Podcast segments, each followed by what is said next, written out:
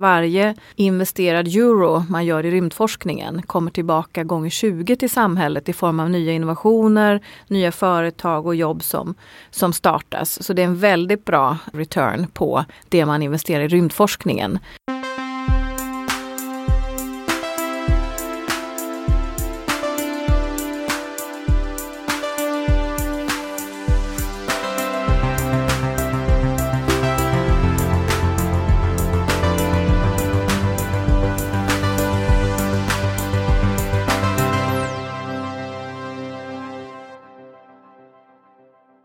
Det här är Heja Framtiden. Jag heter Christian von Essen och idag välkomnar vi Cecilia Hertz till programmet. Välkommen!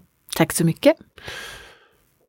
Innan vi börjar. Eh, vi har stött på varandra i olika mingelsammanhang eh, några gånger. Eh, under de senaste tio åren. Säkert, ja. Du kanske inte minns det alltid, men en sak jag minns bara, om vi ska kallprata lite innan vi går på de stora frågorna, är att är inte du sjukt bra på frisbee. Oh, det låter mer som vår astronaut eh, Christer Fuglesang som är sjukt bra på frisbee. Men har jag drömt eller körde du och Christer sjukt avancerad frisbee moves på dansgolvet en gång på en fest? Ja, det här känns numera bekant när mm. du säger det.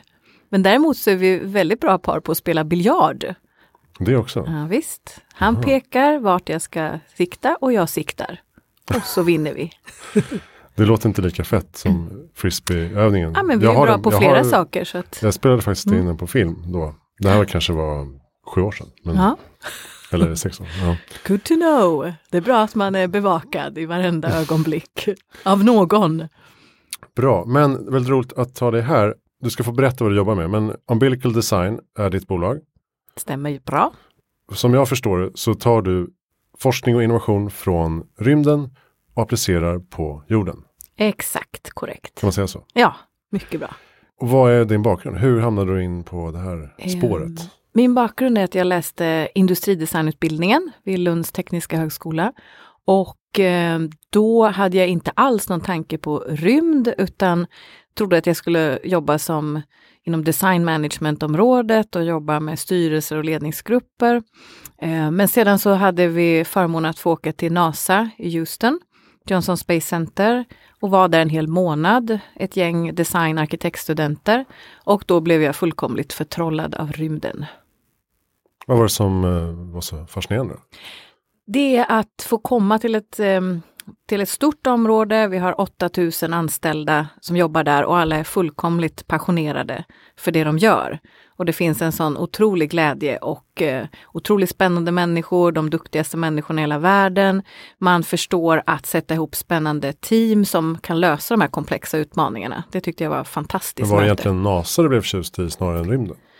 Eh, oj, det är en bra fråga. Nej, nej rymden faktiskt. Eh, just för att eh, som, som, designer har jag alltid haft intresse att se hur kan jag hjälpa människor som lever och arbetar i extrema miljöer. Och när jag då kom till eh, NASA så insåg jag att wow, det är astronauterna som jag vill jobba med. Eh, för inledningsvis så jobbade jag inom Space Architecture, det vill säga hur kan man förbättra miljön för astronauterna ute i rymden. Mm. Och hur tog du det steget från därifrån, den fascinationen till att liksom börja applicera det hemma här i Stockholm? Man kan säga så här att eh, vi var fyra studenter som blev eh, lika glada och fascinerade och ville fortsätta att jobba och komma tillbaks till NASA. Och eh, vi fick eh, den fantastiska möjligheten att göra vårt examensarbete året därpå på NASA kring en farkostinteriör, en liten mm. rymdambulans som var planerad till internationella rymdstationen. Så det blev steg ett, att i alla fall vara kvar i den här miljön. Men har du längtat liksom att få komma till rymden själv eller är det mer att du är fascinerad av liksom tekniken och hur man kan eh, liksom förbättra, innovera? Jag skulle säga från början så var det ju mycket den här eh, att här har jag hittat den designområde och innovationsområde som jag vill vara verksam inom. Eh, och sedan så skadar det inte att vi under exjobbet fick åka upp och åka sån här tyngdlöshetsflygning och få testa på tyngdlöshet. Och var jag inte övertygad innan så visste jag när jag hade testat det och förstod precis varför astronauterna vill upp igen och varför jag också vill upp i rymden framöver. Så det var det som verkligen fångade in mig. Eh, och gjorde att jag sen direkt efter examen startade eget företag då, Umbilical Design, när jag kom tillbaks till Sverige och flyttade upp till Stockholm då. Mm. Och vad har varit eh, liksom produkten där då i Umbilical? Eller tjänsten? Från början så jobbade vi bara, vi jobbade vidare med den här lilla farkostinteriören för, mm. för NASA. Eh, vi jobbade också med olika koncept för boende på månen och Mars. Och sedan så var det någon som sa, men Cecilia ni bara slänger ut massa miljarder ut i rymden, vi här på jorden då. Och då så tänkte jag, men jag vill bara titta på det här. Hur kan vi ta kunskap, insikter vi har fått under de år vi har jobbat inom rymdområdet eh, och se hur kan vi nu applicera det här på jorden. Och då börjar vi jobba mer uttalat med ESA, som är Europeiska rymdorganisationen, kring det här tekniköverföring, som det är vårt huvudområde idag. Hur får ni liksom um, tillgång till den här tekniken? Alltså är det öppna öppna spel? Mellan... Nej, man skulle önska att det var det lite mer. Och eh, från början så jobbade vi mer informellt med ESA utifrån de relationerna vi hade byggt upp eh, under årens lopp. Men sedan så, eh, ja, sedan kanske drygt eh, tio år tillbaka, tolv år kanske nu, eh, har vi haft en roll som det heter nationell space broker för Sverige. Och eh, det kan bara vara ett företag per land och just nu är det 16 länder, alltså 16 företag som är så att säga europeiska space brokers och kontrakterade av Europeiska rymdorganisationen med uppdraget att sprida rymdteknik till nya innovationer för vår planet. Jaha, och ni är en, ett av dem? Yes. Aha, ni är Sveriges representant? Ja, Okej. Okay. precis. Ja, för där, det som du säger, alltså, den invändningen är ju vanlig när man pratar om rymden. Att eh, varför ska vi blåsa så mycket skattepengar ut uh, genom fönstret när vi kan, uh, när vi behöver liksom, hållbara lösningar här. Och uh, du kanske är den första person som på riktigt kan svara på att eh, det inte behöver, det ena behöver inte utesluta det andra. Exakt, exakt. Och sedan så eh, som vanligt ESA vill jag ha siffror på allting så de har också räknat fram att varje investerad euro man gör i rymdforskningen kommer tillbaka gånger 20 till samhället i form av nya innovationer, nya företag och jobb som, som startas. Så det är en väldigt bra eh, så att säga, return på det man investerar i rymdforskningen. Och därför vill vi ju visa på ännu mer vad vi nu kan använda rymdforskningen speciellt till att utveckla hållbara lösningar som är vår stora eh, område sedan, skulle säga tio år tillbaka att jobba mm. inom. Men eh, apropå öppna spel då, det måste ju varit väldigt hemlighetsfullt kring den här forskningen och utvecklingen tidigare när det var bara stormakter som höll på med rymd. Men nu kanske det är mer öppet och man, man vill kanske se mer eh, innovationer. Ja, och det är, ju, det är ju en av mina ambitioner med att visa på nu ett antal så att säga, rymdtekniköverföring där vi uppenbart skapar hållbara lösningar. Just med ambitionen att se, kan vi öppna upp den här rymdsektorn ännu mer på ett smartare sätt med ny teknik för att verkligen jobba nu med att utveckla den hållbara, hållbara lösningen för primärt städerna vi fokuserat på än så länge. Mm. Vad, vad är det vi ser där då? Eh, där ser vi bland annat, eh, där har vi gått in mycket nu på byggnader i sig. Så där har vi jobbat med att eh, ta fram till exempel eh, färg som mm, både färg och puts som man kan applicera på byggnader för att minska energiförbrukningen. Såväl som eh, ventilationssystem som också minskar energiförbrukning till sätt att kyla LED-armaturer som gör också att de håller längre och behöver bytas ut eh, mindre och så vidare. Så här finns det en rad saker som vi håller på och testar just nu. Mm. Som är bara början som vi ser det.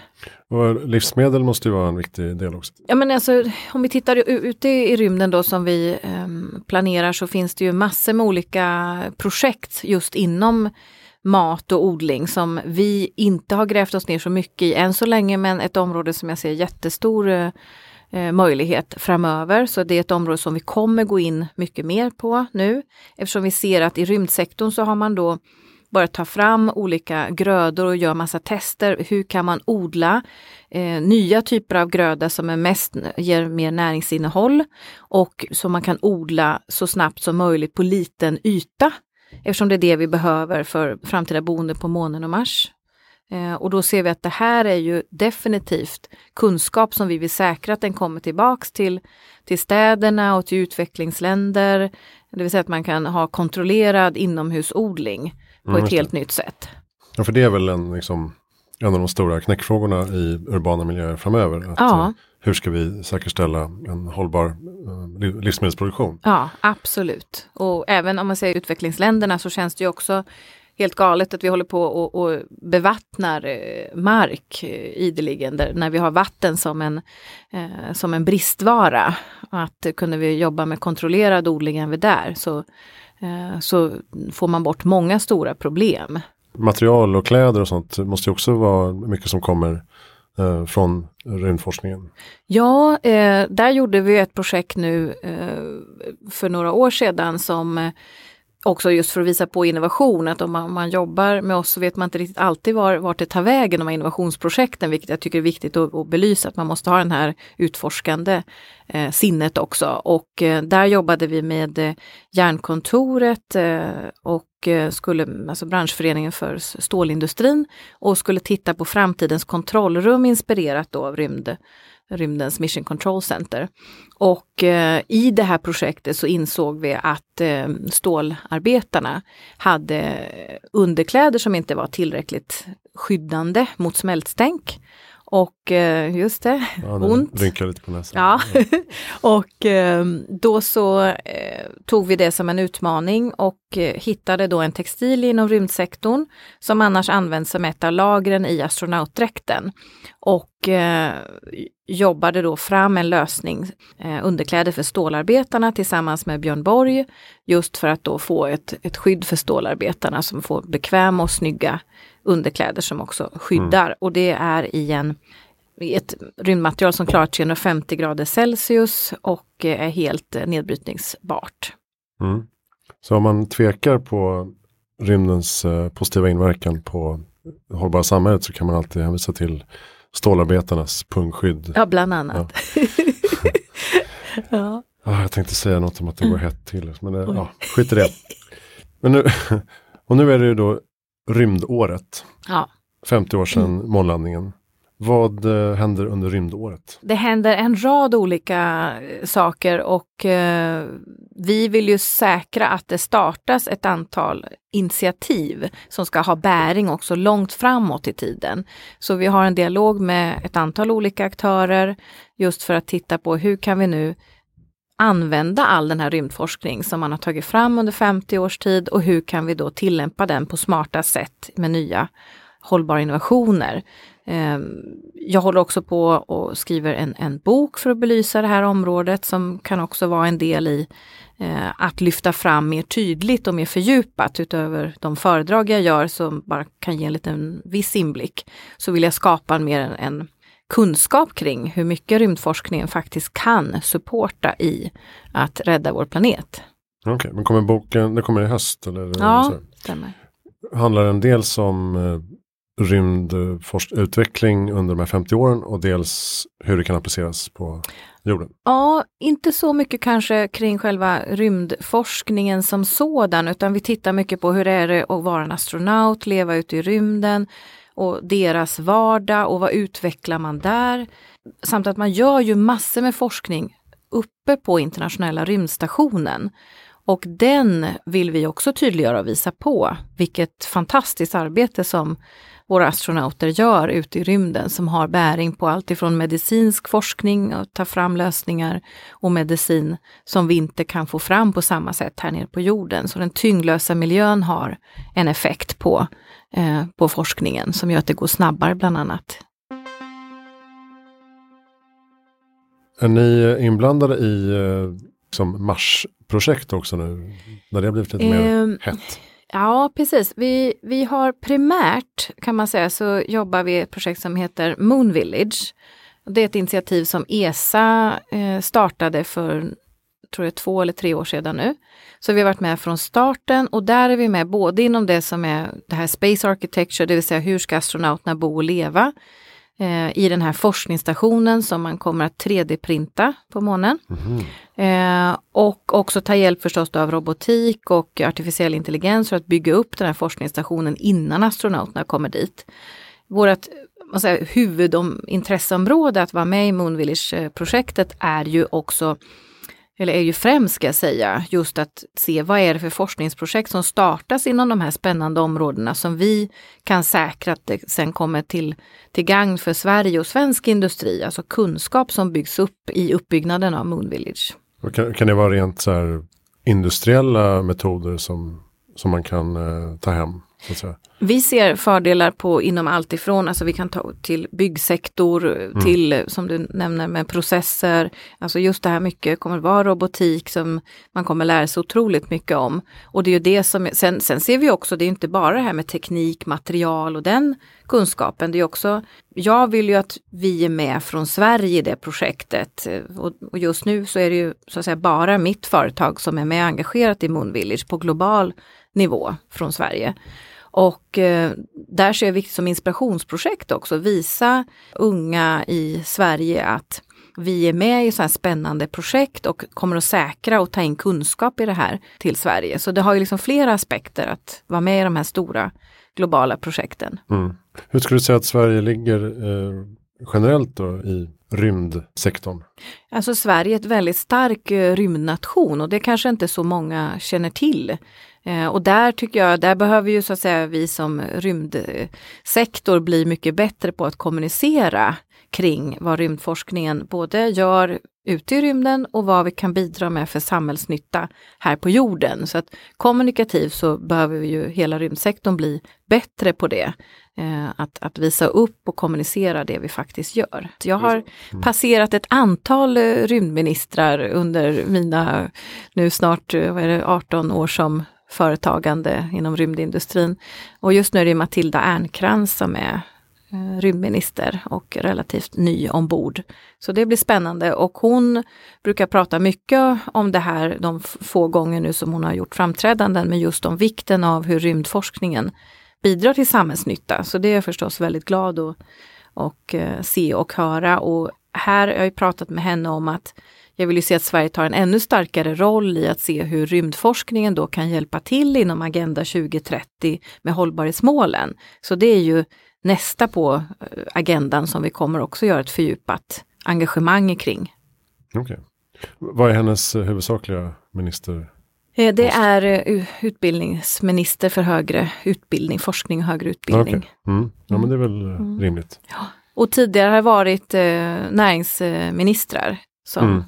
Så det har varit, eh, tidigare var det näringsdepartementet eh, som hade den rollen och, och, nu är det inom utbildning forskning.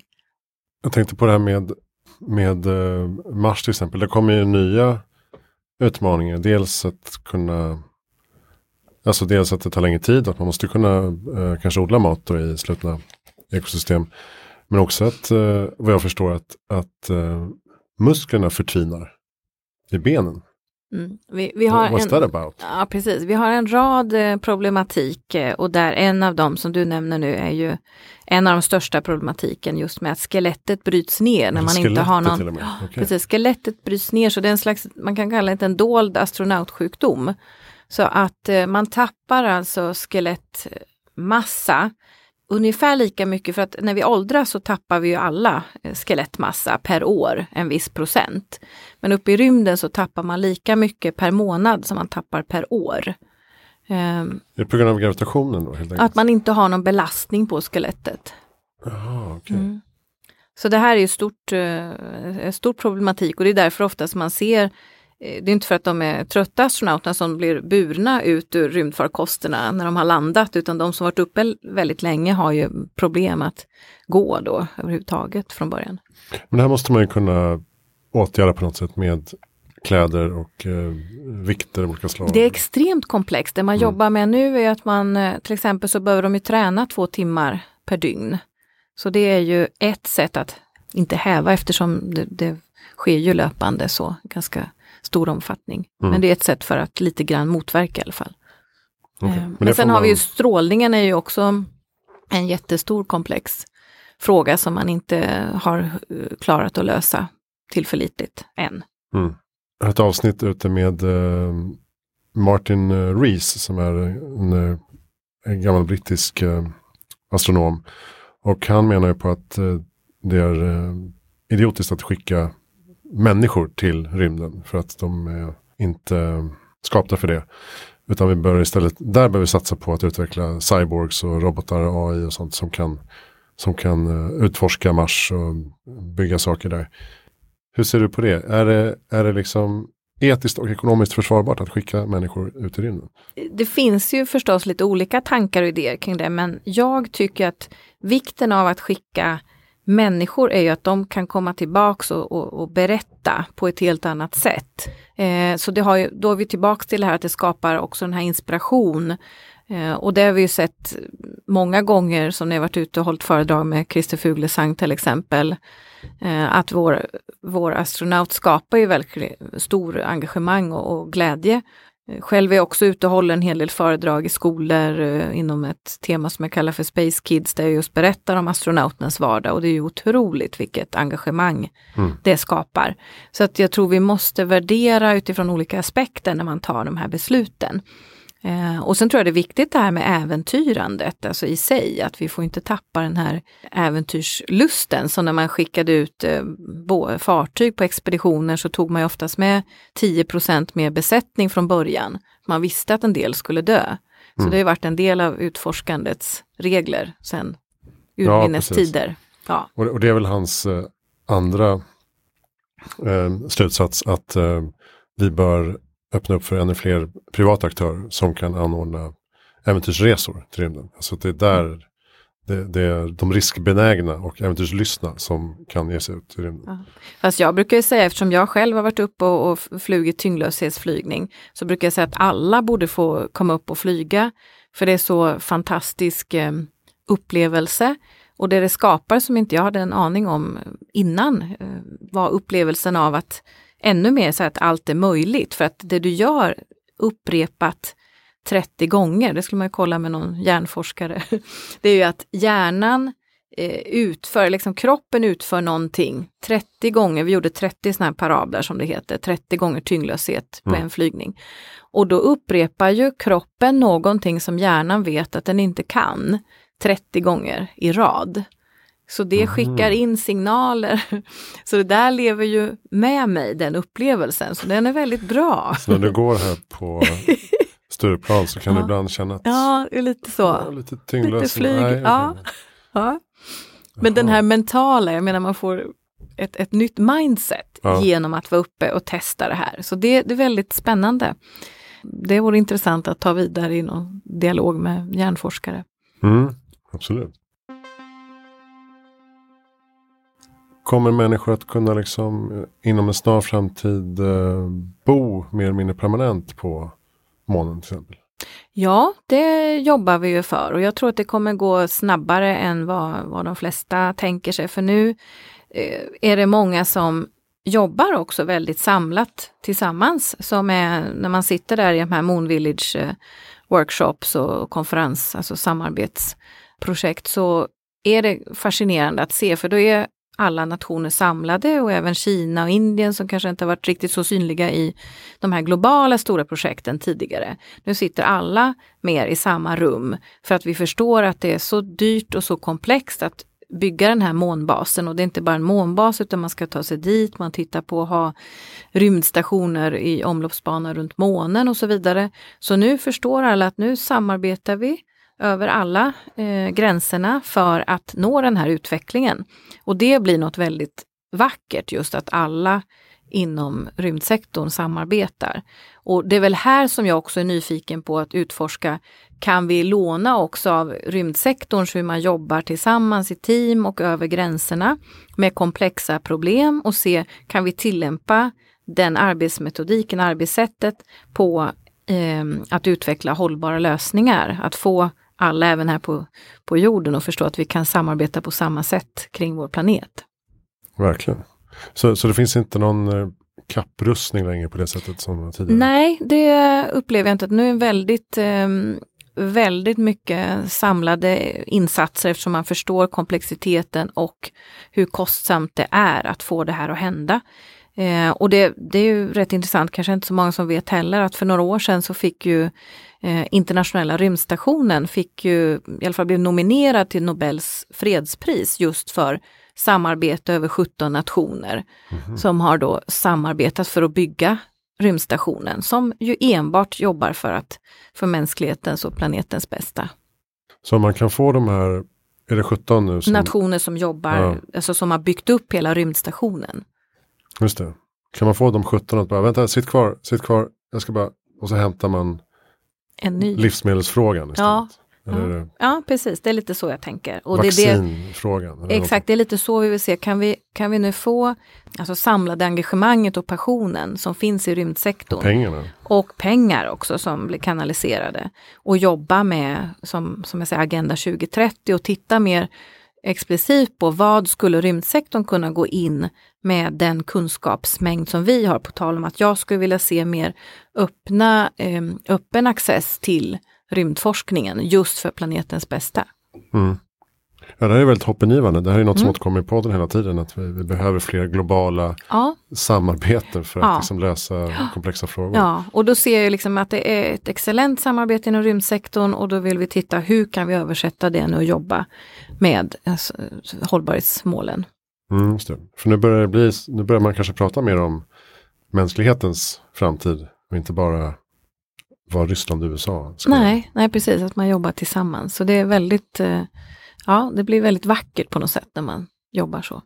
Mm. Vad ser du fram emot själv i framtiden eh, inom det här området? Oj, ja men det är nog de här stora frågorna som att eh, jag skulle vilja titta lite mer på ledarskapet inom rymdsektorn, passionen, eh, alltså just hur man jobbar i team, de här interdisciplinära teamen eh, och se hur kan vi få in det mer i andra delar av samhället. Jag, tror vi skulle kunna öka både takten, alltså hastighet, innovationshöjd eh, med kanske 20 procent i Sverige om vi kunde få in den här mentalitet och mindset. För jag har också förstått att tydligen i Sverige så, jag vet inte hur det är i övriga Europa, men så sitter kanske 30-35 procent av alla arbetsföra personer på fel arbetsplats. Eh, och då är det klart, då skapas inget engagemang och passion om man känner att man är på fel plats. Mm. Ja, den som kan lösa den gåtan Mm, mm. kan Det är få... bara att börja byta jobb nu. Ja, precis. Gör det varandra. ni tycker är roligt. istället. Ja, exactly. Ja, men det är det de gör, så det är bara en sån här, man får ju med sig en slags happiness eh, aura i tre veckor ungefär, vara den efter ett NASA-besök. Är det så? Ja. Mm. så om, om man vill eh, engagera sig i eh, de här frågorna, var, vart börjar man? Om man är ung och nyfiken. Jag har ju också jobbat för att få flera svenska studenter att komma till NASA eftersom det blev en sån fantastisk upplevelse för mig. Så jag skulle väl rekommendera eh, i princip alla att ge sig ut och, och verkligen testa utomlands olika spännande, behöver inte just vara, vara, vara rymdområdet, men just eh, testa när man är student, att man verkligen ger sig ut och jobbar eller befinner sig utomlands en period för att få lite nya intryck. Så det är själva utvecklingen av sitt mindset som är viktigt. Ja, jag menar ju på att eh, vi har all teknik vi någonsin kan önska oss. Den finns redan där. Jag har människor i mitt nätverk som säger Cecilia, vi har liksom, säg, säg vad du behöver, vad är det för material du behöver så tillverkar vi det till dig. Så det betyder ju att vi har allting vi kan önska oss. Så jag menar ju på att det är mindset och det är de här beteendeförändringarna som vi måste börja jobba med på ett helt annat sätt. Och eh, vad gäller beteendeförändringar pratar jag om det som astronaut lifestyle. För att astronauterna de konsumerar ju exakt den mängd vatten, energi, mat som de behöver för sin så att säga, välmående. Och det blir ju väldigt intressant om vi kan överföra här till jorden och konsumera också som, som astronauter i vår vardag. Just det. Men även, även vattenrening och avfallshantering och sånt måste ju vara extremt eh, tajt. Precis, och där har vi ju, bland annat har vi gjort besök just på en av NASAs anläggningar som ligger utanför San Francisco, som är NASA Ames heter det. Och där har man byggt upp en eh, byggnad som kallas Sustainability Base, just av rymdteknik som är då integrerad i den här byggnaden och fungerar som en kontorsbyggnad på området som för att nämna ett exempel då, som du nämnde vatten, så konsumerar den 90% mindre vatten än en traditionell byggnad. Eh, så där har jag åkt några gånger Alltså över. hela byggnaden är som ett eh, case. Som en rymd, alltså som en sluten, eh, som Ah. ett slutet system. Så Mm. det är precis som en rymdstation eller de kommande boende på månen och Mars så är det slutna system, allting återvinns och återanvänds. Det vill säga att även, alltså allt avfall blir ju bara också resurser och det är så vi skulle behöva se det. Det man pratar om i cirkulär ekonomi och så nu, att man vill börja se på samhället ur den aspekten. Och det är precis så som vi har jobbat inom rymdsektorn i säga, evigheter. Av eh, nödvändighet. Ja, ja precis, precis. Och då finns ju den här insikten och kunskapen så därför ser jag som en väldig angelägenhet att säkra att det här kommer eh, kommer till gagn. Och det är klart, om man ser på att varje kilo man tar ut i rymden eh, kostar mer än 10 000 dollar att ta upp, då brukar jag översätta det, då blir det som priset på vatten ute i rymden. Mm. Och det är klart, om priset på vatten är så mycket pengar, då ökar innovations, eh, innovationsförmågan, det vill säga då uppfinner vi så att säga helt nya sätt att se på produkter ute i den tyngdlösa miljön, för då får de inte konsumera vatten i princip. Och, och, det är det som jag tyckte var så spännande när man kom in först som designstudent i den här världen, att det handlar om att ta fram helt nya produkter, produkter som inte finns. Och det där är otroligt spännande. Mm. Hur ser saker ut i rymden som ingen har sett förut? Man, man får alltså omvärdera alla eh, saker på ett helt nytt sätt. Som till exempel när vi jobbade med Electrolux så frågade jag om de ville veta hur vi tänker oss framtidens eh, eh, tvättmaskin i rymden och det, det ville de ju förstås då. Mm. Och då sa jag, då tittar vi på att ta fram, det blir bara som en plastpåse, ner med den smutsiga tvätten, ner med speciella bakterier, försluten i 24 timmar och så har du ren tvätt. Och då ser man det bara, bara snurra i huvudet. Uh, nej, det vill vi inte ha. Vi vill ha uh, maskiner. Jag var ju jättearg på dem där att de hade kvar de här betongklumparna i sina eh, tvättmaskiner. Och, eh, så att det handlar ju, eh, ja, men det ser vi ju i, i alla bolag att man jobbar med det jag kallar för repetitiv design, det vill säga man repeterar bara en känd konstruktion och så gör man några små, små förändringar. Men det är så vi jobbar också när vi kommer in i organisationer som, som Electrolux då när vi tittade på det här exemplet med tvättmaskinen. Alltså det är för att vi förstår ju alla, det kommer inte vara sådana tvättmaskiner om fem år på våra hyllor. Men det är för att rymd kan ge ett nytt mindset i innovation och förstå att om ett antal år så, så finns den här tekniken framme och då ska vi ju använda en teknik där vatten inte behövs där det går åt eh, minimalt med material och tillverka en sån här tvättmaskin och hur många sådana kan du lasta på en lastbil och så vidare. Alltså då mm. förstår man ju snabbt vilken förändring som kan ske. Och det där har vi ju skojat om sen, sen dess också, även med andra bolag, att då måste man ju gå in i organisation och hitta vad har respektive företag för sån här betongklump i, i uh, sina produkter. För det finns ja, ju alla eftersom alla, de flesta skulle jag säga, jobbar med det här repetitiv design. Just det, bara se på en bil. Volvo personvagnar har varit inne och jobbat med och alltså, letat ja. efter betongklumpen hos dem. Det var fantastiskt roligt. Ja, så det är många spännande samarbeten har det blivit under årens lopp just eftersom man får gå in och vara så, alltså komma in med det här rymdperspektivet och få folk att tänka helt nytt. Så det blir väldigt spännande idémässigt att jobba på det mm. sättet. Jo, men du nämnde förut att du sitter i styrelsen för något som heter Christer Fuglesang Space Center. Vad är det för någonting? Har det liksom kommit igång? Eller?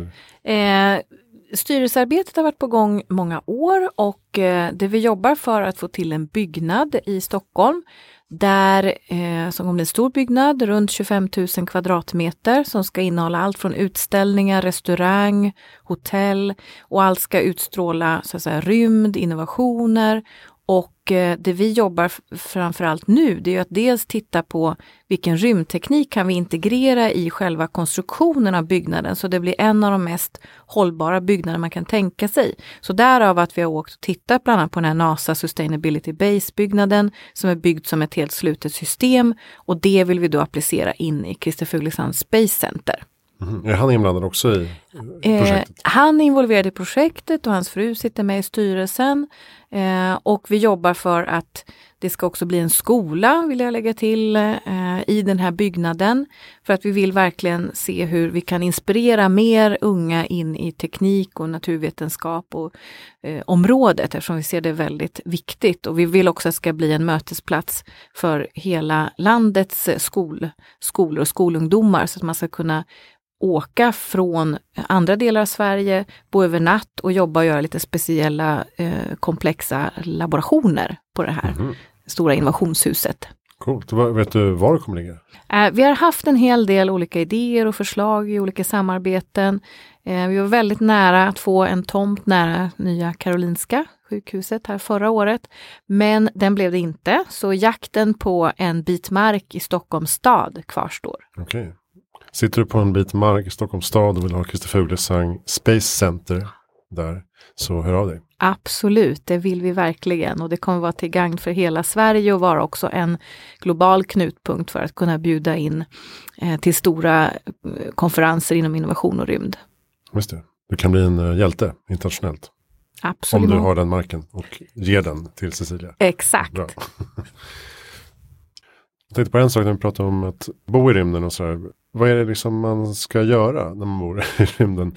Är det, att, eh, är det gruvdrift och utvinna ytterligare liksom, resurser och tillgångar som är en viktig aspekt? Då? Alltså det är ju en, precis som du nämner, det, det är ju såklart något som man har räknat mycket på, tittat och förstår att det kan finnas otroliga eh, så att säga, resurser att hämta hem tillbaka till jorden. Så det är ju en sak. Men sen är det mycket att lära sig om eh, universums eh, ursprung och, eh, och just också att driva den här nyfikenheten framåt. För att vi förstår, vi vet så otroligt lite om universum. Jag fick förstå att vi vet lika lite om våra hav som om universum, så det är också en intressant parallell och vi har bara ungefär 5% är vad vi vet om, om haven respektive universum och resten är det man säger dark matter och dark energy. Så det borde väl vara så att säga eh, en siffra som är värd då att, eh, att få oss att utfor- vilja utforska mer. Mm. Men det här argumentet att vi behöver en liksom, plan B-planet, så att säga. Eh, köper du det? Nej, jag tycker nog att vi ska um, jobba på med vår egen planet. Det får vara liksom grundidén utifrån hur jag tänker i alla fall. Men sen vet vi att det, en, en del tänker annorlunda. Men däremot så måste man ju förstå att det är mer bråttom än vad de flesta verkar inse. Så man brukar säga, eller vi brukar prata om att kanske är 10-15 år som man nu behöver agera och agera kraftfullt. Så det som behövs är ju ett starkt ledarskap för att driva den här hållbara utvecklingen i den hastighet som krävs. Jag tänker för att stävja klimatförändringar på jorden. Ja, precis. Ja. exakt, och att utomjordiska upplevelser får komma så småningom. ja, alltså de kommer ju komma så att säga parallellt och jag menar det kommer ju vara, men det är inte så att vi vi hoppas ju att vi inte behöver så att säga utrymma hela vår planet för då ligger vi ju rysligt dåligt till. Eh, Men för min del handlar det mycket om att identifiera de här projekt och samarbeten och eh, jobba med, med starka bolag och aktörer som vill se det här och hända och sen addera nätverket från rymdsektorn in och jobba med allt ifrån eh, matfrågan och så vidare. Tror att det finns eh, liv i, i rymden? Ja, eftersom vi vet så lite som 5% så vore det ju tokigt om, om man inte, ja, så något slags liv tänker jag att det borde finnas. En blob. Ja, någonting. Ja, men det tror jag. Ja. blob. ja, vi vet inte. Nej, Men som sagt, det, det är bara att stay alive så att vi får se vad som händer. precis. Mm. Vad är ditt bästa tips för att göra världen bättre i framtiden? Oh, bästa tipset. Nej, men jag vill väl också visa på att var och en kan vara med och göra skillnad. Många gånger med mitt lilla bolag så har det känts mycket som David och Goliat eh, känslan i olika sammanhang. Men jag tycker det är viktigt att man är med och påverkar och, och då kan man göra det alltifrån ett litet, litet bolag eller som en enskild person till och med. Så att där tycker jag väl folk får kliva fram lite bättre och vara mer vad man säga, aktivera sig och gärna, så jag tycker om det globala, att man jobbar tillsammans, att förstå lite mer mm, andra nationaliteter och just värdet av att jobba i de här internationella teamen är helt eh, magisk, så det kan jag verkligen rekommendera. Mm. Ehm, har du något bra lästips om man är intresserad av? Oh, Rymdfrågor. ja, det kommer ju en bok här i höst. Ja, på Ja. Pugg förlag. ja, är det, eller hem- Är det hur? hemligt? Nej. Stämmer bra. Nej då. Nej. Nej. Ehm, Som även gav ut Äta insekter. Som vi hade här. i- Ah, ja, ja, ja. ja, det är ju något som man experimenterar också Ja, med. visst. Vad ska vi äta i rymden? när vi var uppe och flög tyngdlöshetsflygningen så var det några som hade med sig fiskar upp i ett akvarie för att se hur de påverkades av den här tyngdlösheten. För då Mhm. vattnet blir ju som små bubblor och så. Eh, I den tyngdlösa miljön. Hur länge överlevde de? Nej, de, vi har faktiskt ingen koll på vad som hände med de här fiskarna. Vi hade fullt upp med vårat experiment och, Mm. och testa och se vad, vad som hände. Men det är bara för att visa på att det görs otroligt mycket forskning inom det området som, som också ger, kommer ge väldigt mycket riktlinjer till hur vi kan leva eh, i städerna framöver. För det är ju inflyttningen till städerna och förtätningen där som, som vi tycker är väldigt spännande att se hur kan vi ehm, hur kan vi bidra och sen ta fram, just det här, ta fram helt nya koncept. Eh, för det brukar jag också säga i de föredrag jag håller, att vi måste verkligen inte bara liksom vad bidrar vi till att starta, men vad bidrar vi till att inte aktivera för projekt? Det är nästan viktigare. För att det är många företag som jobbar just med fel typ av, eh, av projekt. Så att det handlar ju om att man i första hand ifrågasätter inom speciellt stora bolag, vad bidrar man till att iscensätta för, för projekt? I städerna? Alltså, Ja, generellt tycker jag, alltså vad bidrar man till att utveckla för produkter? Vad, det är viktigt att ifrågasätta lite grann och också, jag brukar prata om eh, att vi behöver mer why not-människor, speciellt i, i Sverige, alltså personer som när de ställs inför lite udda idé eller tanke verkligen kan tänka sig att säga varför inte, för just driva utvecklingen av lite udda innovationer eller projekt framåt. Att man vågar lite mer. Ja, okej. Istället för att ta fram ännu en av? Exactly. Ja, okej. Mm. Så den är viktig. Why not-människor? Ja, de är viktiga.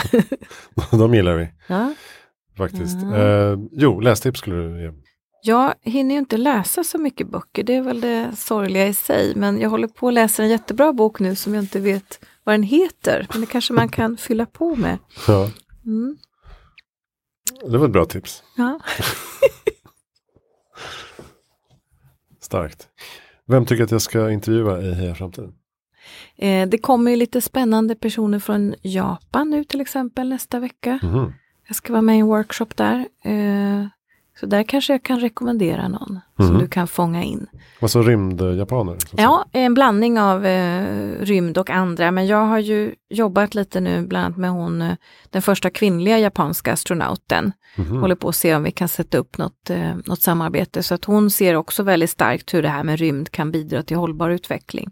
Där har vi också satelliter, där vi inte pratat om någonting eh, direkt här nu, men det är mycket hur satelliter kan eh, dels förvarna om naturkatastrofer som håller på att hända, men också man kan skicka snabbare hjälp och undsättning tack vare alla satellitbilder så att man ser vad som har, de facto har hänt. Så det är också saker som man kanske inte tänker på, gemene man, att satelliterna skapar ju den typen av hjälp också. Eh, Det senaste som jag dök in på var också det här med alla utrotningshotade djur.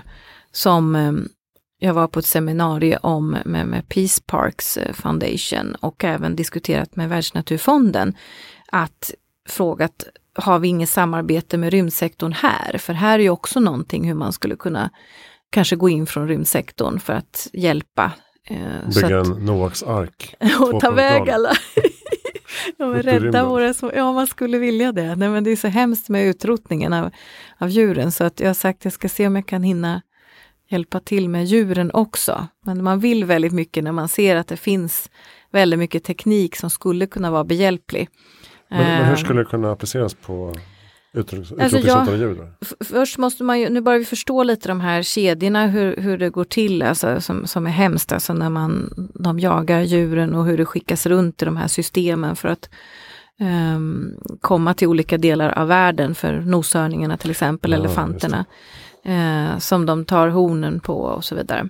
Eh, så att dels tror jag att satelliterna skulle kanske kunna vara, vara behjälpliga, eller om vi kan jobba med sensorer eller ja, det, det finns nog en, en rad sätt som vi skulle kunna gå in och hjälpa till. Så att jag, Mm. jag ska ta en, en action på detta också. Inte bara städerna utan djuren har dykt upp nu på Mm. min agenda. Så det är så, man, man eh, ser så mycket och vill eh, se hur kan vi starta olika typer av projekt för att eh, jobba med rymd på olika sätt. Då. Mm. Så det går ju, vissa jobbar snabbt om man säger så. Och vi jobbar lite för långsamt med strukturerna som kan skydda både vår, alltså vår planet på alla sätt. Ja, jag tycker att tjuvjakt borde inte vara så svårt att slå ner på. Hårdare. Det är tydligen ganska komplext har jag Mm. förstått. Så man får, det är det jag menar, man får sätta sig in och förstå lite mer alla de här hur det ser ut innan man, man går in. Men det intressanta som jag tyckte var väl att vad de visste än så länge så hade man inte jobbat just med rymdsektorn för att försöka se, kan vi vara en del av lösningen? Det är det jag vill försöka addera in i olika, Mm. eh, olika projekt och samarbeten. Vad har vi glömt? Vad har vi glömt? Ehm, tycker vi har tagit vem jag ska intervjua? Då blev det någon, igenom. någon eventuell rymdjapan. kanske någon rymdjapan. Vad heter, Jag- vad heter den här författ, Mm. japanska författaren som skrev nu? Ja, det är ju han som jag framtid? läser. Ja, det är den jag läser. Han är ju Ja. skitbra. Kono. Just han Kono? Michael Kono.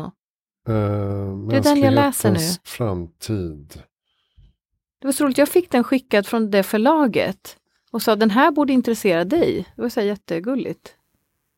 Mänsklighetens framtid. Eh, Michio Kaku. Ja, jaha, inte Kono. Nej. Kaku. Eh, mot Mars, stjärnorna och ett evigt liv. Ja, den. Och den, Den. är väl, Honom vill jag, det, det är boktipset för den är skitbra. den håller jag också på att läsa lite smått. Nej, Men det är jag som håller på att läsa den. Ja, du håller på att läsa den. Okej. Är det Volante förlag? Ja, exakt. De var Michio så gulliga. Kaku. Ja, de var så Mänsklighetens gulliga. framtid. De var så gulliga att skicka den där boken till mig nämligen. Så det var... Eh, eh, eh. Just det. Och eftersom vi inte har läst färdigt någon av oss så, men vi kan ändå rekommendera den. Är Lätt, spännande. jag har läst halva.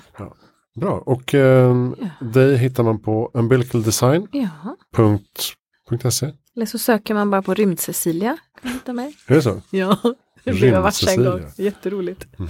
Heter du det på Twitter? Nu? Nej, jag är inte med någonstans. Jag är en så här liten hemlig människa. Jaha. Okej. Men tydligen ändå inte. För det ligger mycket artiklar och grejer man kan. Ja, men nu Läsa. finns du eh, i den här megafonen. Tack snälla Cecilia Hertz för att du kom till Heja Framtiden. Stort tack att jag fick komma. Spännande. Önskar dig eh, lycka till Ja, tack. i rymden och på jorden. Ja, jag kommer vara överallt kan jag hälsa. Bra. Eh, allt du behöver veta om Heja Framtiden finns på hejaframtiden.se. Följ oss i sociala medier. Lyssna nästa vecka också för då pratar jag om något annat. Jag heter Christian von Essen. Tack och hej.